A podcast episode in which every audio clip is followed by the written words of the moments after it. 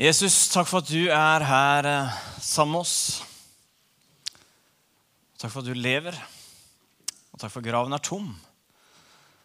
At du er her sammen med oss nå, Jesus. Be om at du må velsigne den tida vi skal være sammen nå. Og velsigne det jeg har forberedt Jesus. Så at du, Jesus, du kan bli enda mer levende for oss, Jesus. Amen. Vi er eh, inne i en eh, helt ny taleserie som vi har kalt eh, Sammen. Og i dag er det fokus på Gud og meg sammen. Og Undertittelen i dag er at Gud, han har utvalgt deg. Og så skal Martin og Linda fortsette med Du og meg sammen. Alle sammen sammen. Og eh, sammen gir vi det videre. Sammen før, eh, før sommeren er der.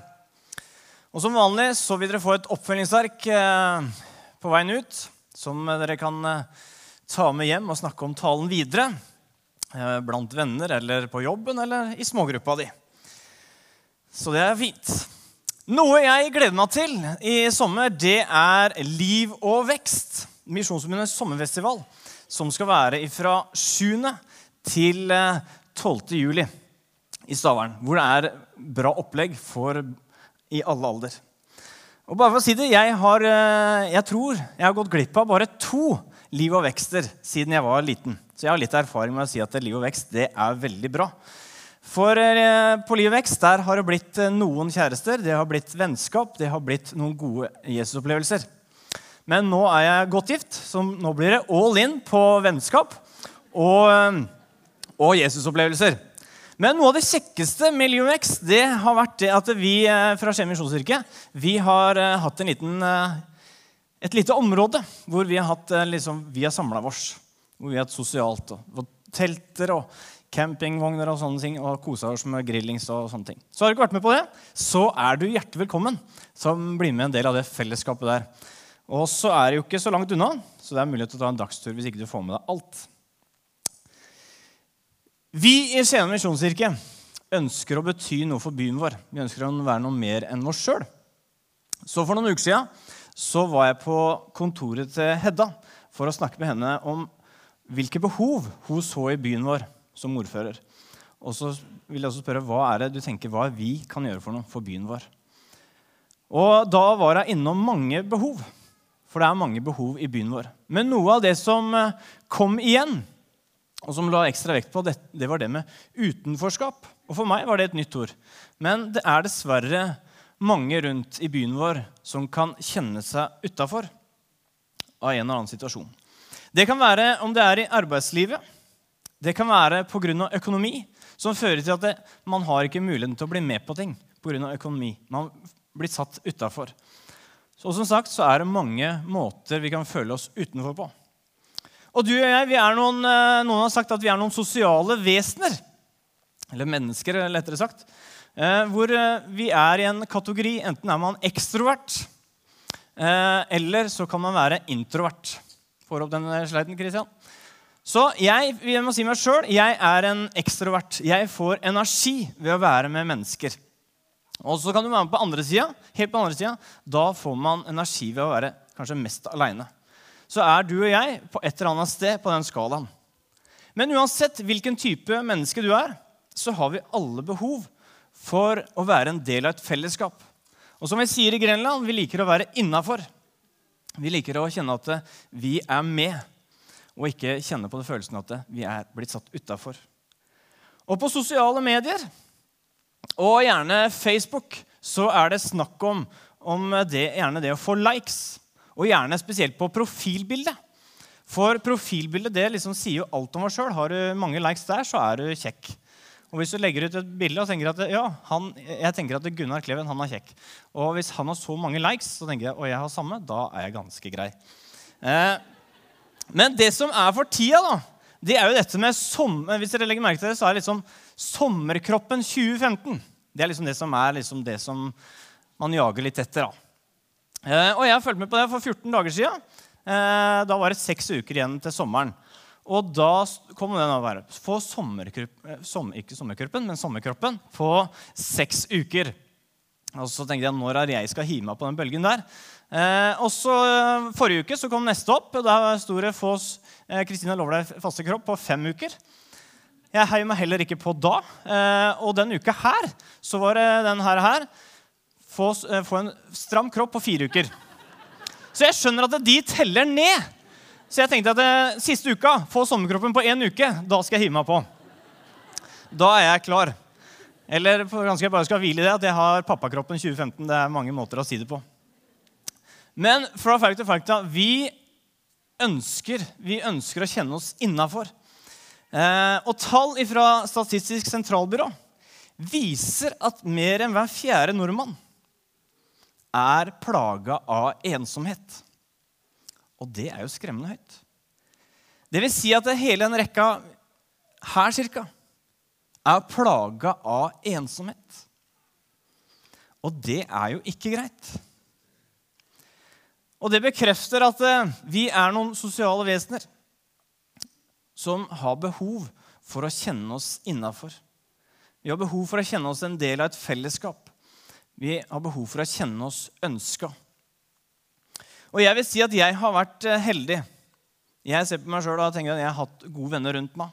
Jeg har hatt en god familie osv. Men så tror jeg vi alle kan kjenne allikevel behov eller innimellom på det å være litt utafor. Av og til kjenne på det å være ensom. Vi kan kjenne på det kanskje de små tinga i hverdagen. Hvor eh, du er ute og går en tur, eller så kommer en bort til deg, eller ikke bort til deg, men han hilser på noen andre, og ikke deg. Du blir ikke hilst på. Det kan være at eh, det skal være fest, eller grillparty, som vi kan kalle det i kristne sammenhenger. Så blir ikke du invitert. Det å kjenne at 'jeg blei ikke med', eller det skal være noe på jobben din, så skal de planlegge noe og så blir ikke din stemme hørt.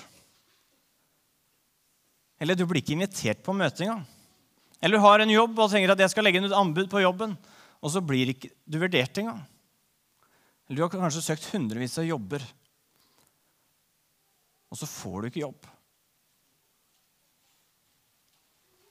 Da kan vi tenke hva er det som er galt med meg? liksom? Hvilken betydning har jeg inn i det livet her?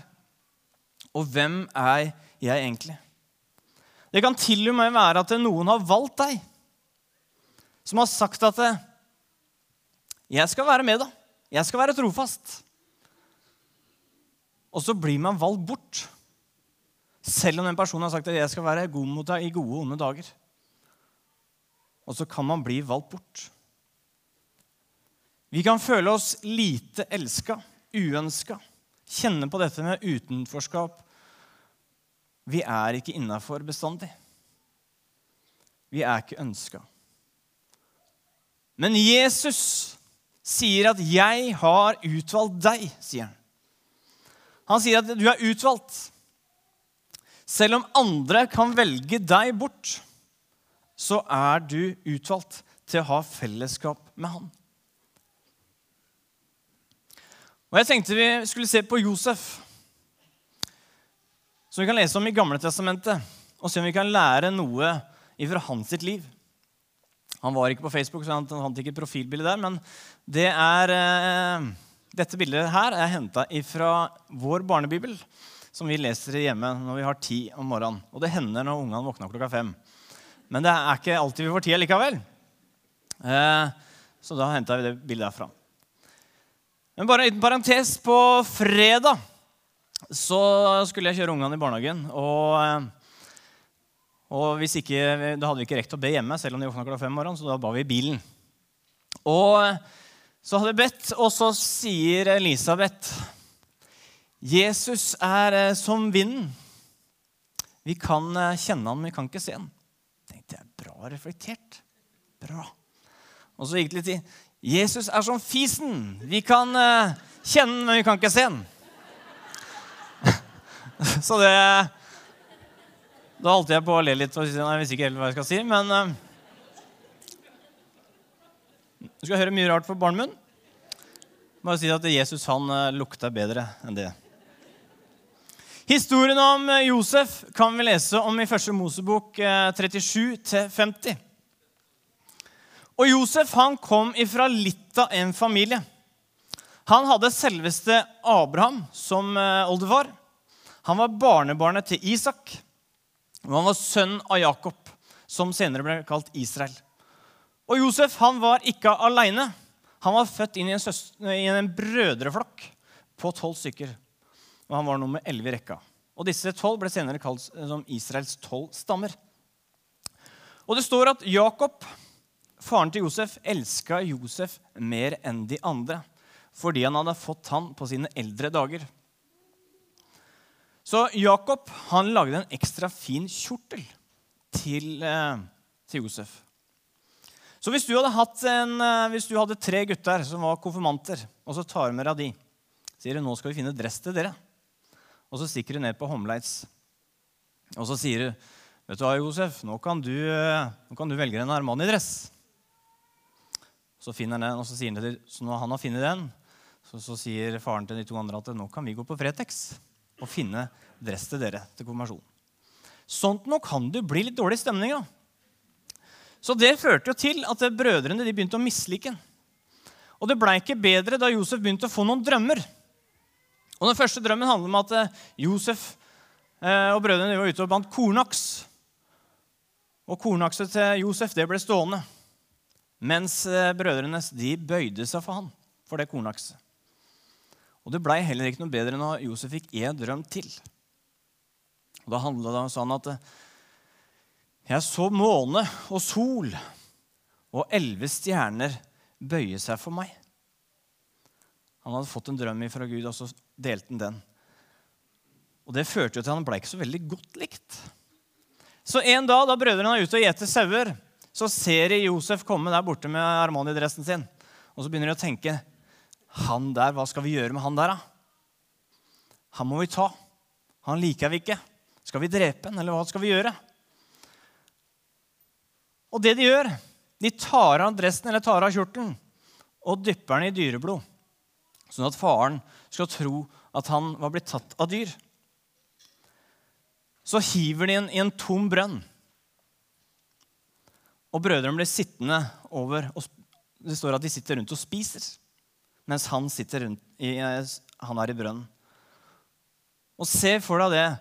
Du har du har elleve brødre, og så hiver de en tom brønn. Naken.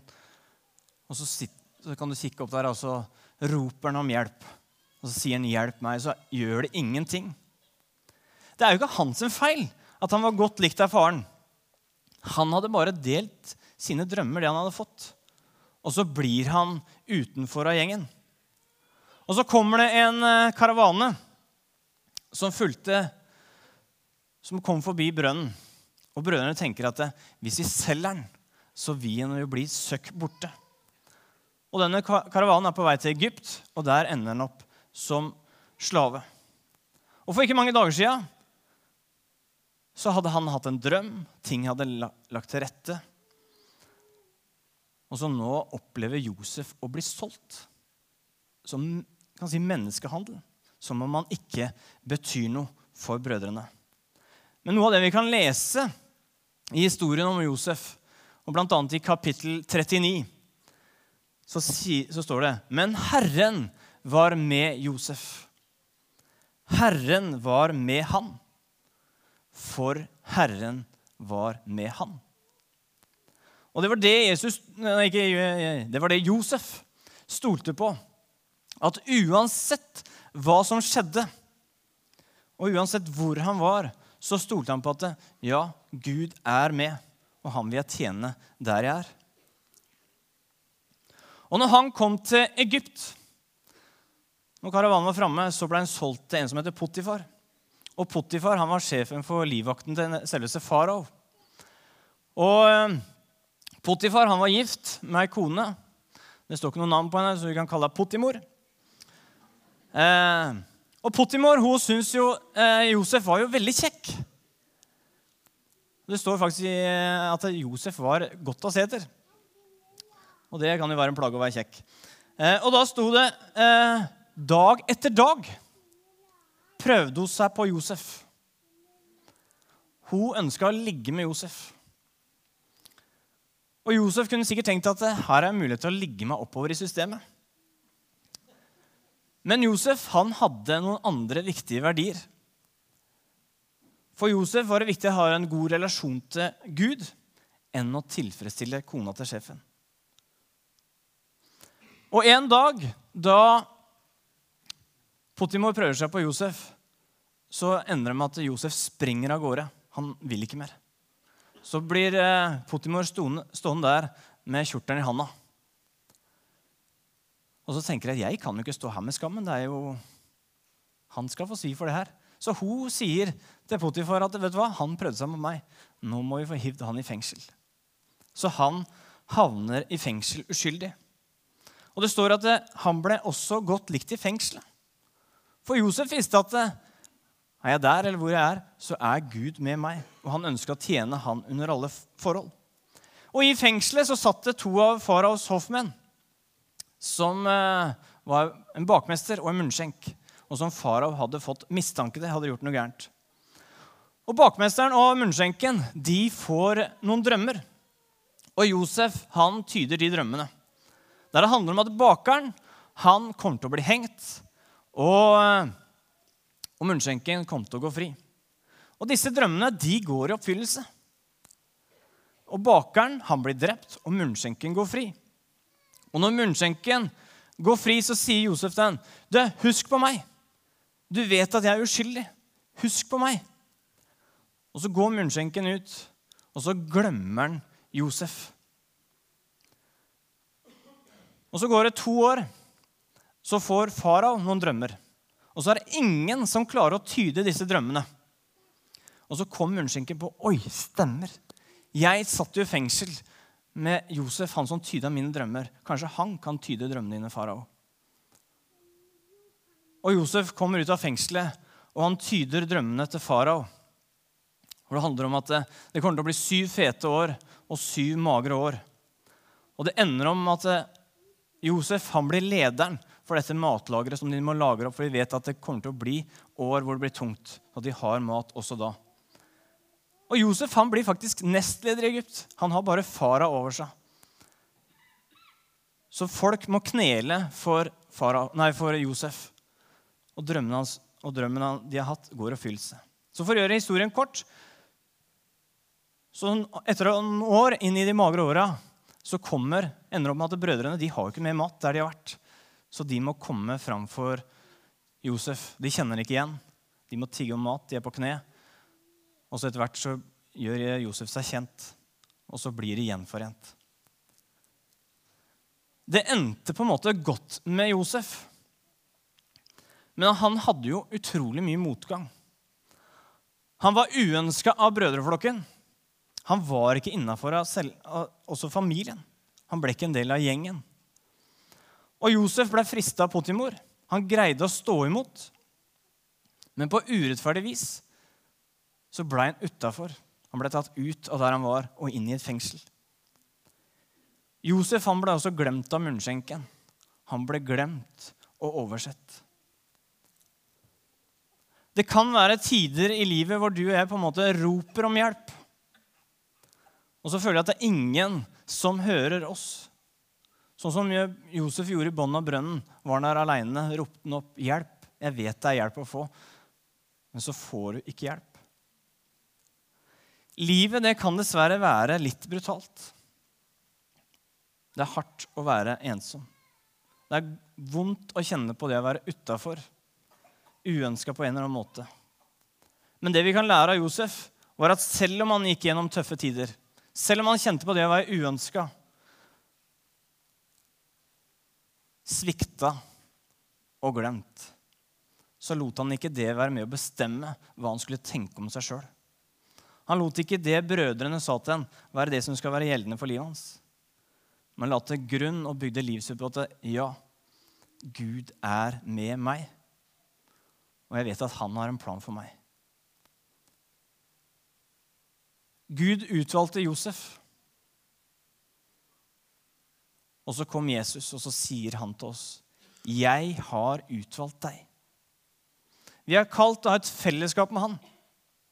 Selv om andre kan velge deg bort, så velger Gud deg. Og at uansett hvor og hva som skjer, hvor mye det blåser, så kan vi holde fast i det. I 5. Mosebok 31, eh, 6b står det For Herren din Gud går med deg. Han slipper deg ikke og svikter deg ikke. Du er kalt av Gud uansett. Gud han er så rik på kjærlighet. Og Paulus han prøver å beskrive denne kjærligheten så godt han kan i Efeserne, eh, et brev til efeserne. Efeserbrevet 3, 16-21. Der står det Jeg ber om at Han som er så rik på kjærlighet, må styrke dere i det indre mennesket med sin kraft og med sin ånd, så Kristus ved troen kan bo i deres hjerter, og dere kan stå rotfestet og grunnfestet i kjærlighet. Da kan dere sammen med alle de hellige bli i stand til å fatte bredden og lengden, høyden og dybden. Ja, kjenne hele Kristi kjærlighet, som mer enn noen annen kan fatte og bli fylt av hele Guds kjærlighet. Han som virker i oss med sin kraft, og som kan gjøre uendelig mye mer enn alt det vi ber om og forstår. Ham være ære i menigheten og i Kristus Jesus gjennom alle slekter og i alle evigheter. Amen. Paulus snakker om det å fatte bredden, lengden, høyden og dybden. Bredden, det kan være at det, finnes ikke noe sted på jord eller noe menneske som ikke omfavnes av Guds kjærlighet. Han brer sine armer rundt sårmarkedet. Når sår har i henda, viser at det var for deg. Og han omfavner alle. Uansett religion, uansett nasjonalitet, helse, utdanning og oppførsel. At alle omfavner han. Og så er det lengden. Det handler om at fra før av, før du ble skapt, og inn i evigheten, så er du elska. Og mellom der så lever du og jeg. Så vil du alltid være elska. Om vi går gjennom troskrise, eller hva enn vi går gjennom, så er han der. Og så er det altså høyden. Det vil si at det er ikke noen makt som kan rive ned Kristi kjærlighet for deg. Uansett hva du går igjennom, så vil han kjærlighet være der. Uansett hva som raser i livet ditt, så er Guds kjærlighet der. Og dybden, det er ikke noe for dypt nok vi kan falle. Eller vi kan kjenne at vi er langt nede så er også Guds kjærlighet der. Vi kan kjenne at vi er i bånn av en brønn. Vi kan føle oss innen som et fengsel. Vi kan føle oss forlatt av venner og de vi har elska mest. Jesus han kjente på det å være forlatt. Han sa, 'Min Gud, min Gud, hvorfor har du forlatt meg?' Og Det står at Jesus han kjenner vår liv, han vet hva vi går igjennom. Og han sier at han vil være der. Så Guds kjærlighet, den er bred, den er lang, og den er høy, og den er dyp. Josef han fikk to brødre, nei, to sønner. Og Den første sønnen den kalte han Manasse, og den andre Efraim. Manasse og Efraim er to navn med betydning. Manasse betyr 'Gud har latt meg glemme'. Og Det er selvklart at Josef opplevde en motgang. Han kunne valgt å bruke resten av livet eller livet sitt på å irritere seg over eh, det brødrene hadde gjort. Tenke på hevn. Bli sinna på Potimor som løyv. Og munnskjenken som glemte den. Men sånn var ikke Josef. Han hadde levd med Gud. Og han hadde gitt det til Gud, som hadde ført til at han kunne glemme. Og Det tror jeg er noe av nøkkelen for at vi kan noe legge ting bak oss i vonde relasjoner. Slippe Gud inn i det vonde og gi det til Gud. Jeg sier ikke at vi bare skal glemme alt det vonde vi møter i relasjoner. For det er viktig at du og jeg vi bearbeider det. For vonde ting det kan få så stort fokus i livet vårt at det er nesten det det handler om. Men det du og jeg har mulighet til, er å slippe Gud inn i det, sånn at han kan være med å lege våre sår. Og Da tror jeg det vonde vil miste sin kraft, sånn at vi lettere kan glemme. Derfor kalte Josef sin første sønn Manasse. Gud lot meg glemme. Han fikk også en sønn til som han kalte Efraim. Efraim betyr bl.a. fruktbar. Og det er ett resultat av hva Gud gjør i vår liv. Vi kan se det i en sammenheng med det som skjer i naturen ved å beskjære et epletre. Det kan være ganske brutalt. Når du kutter av en grein som tenker at denne kan jo bære frukt. Men så kutter du da og klipper noen greiner. Men sånn er det når vi velger å bearbeide våre følelser og jobbe med hjertene våre. Så kan ting få tid til å gro, og vi kan få glemme. Så kan noe nytt komme fram. Da kan vi bære frukt av det vi går igjennom. Og Det var det Josef hadde gjort. Han hadde fått lov til å glemme og bære frukt av det han hadde gått igjennom. Han visste at Gud er med meg hvor enn jeg går. Nå skal vi bruke litt tid i, i tilbedelse. Vi skal synge tre lovsanger sammen. Og jeg vil utfordre deg til å konsentrere deg til å være i fellesskap med Han som ønsker å ha fellesskap med deg.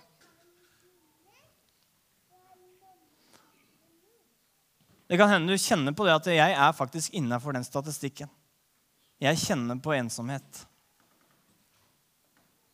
Da vil jeg si til deg at Gud, han ser deg. Han vet din hverdag. Han vet hva du går igjennom. Og så har jeg lyst til å si til deg også at si det til noen. Si det til noen du stoler på. Eller si det til meg. Så kan vi som menighet være sammen. Vi er kalt til å være armer og Som det vi prata om, de hadde sko. Det handler om at vi skal være hverandres føtter, og vi skal også være hverandres armer. Men jeg tror det er tider hvor vi har godt av å få en klem. Det er tider hvor vi skal få lov til å gi en klem. Det er tider hvor du og jeg kan gå foran og være for og med hverandre. Det blir mulighet til å tenne et lys. Tenn et lys for en som du vet er ensom. Eller skriv en bønnelapp, så vi ber for det etterpå. Eller så kan du gå bak i hjørnet der, og så kan du bli bedt for. Eller så kan du si 'Jeg trenger bare en klem'. Og så kan vi reise oss opp, og så er vi i tilbedelse.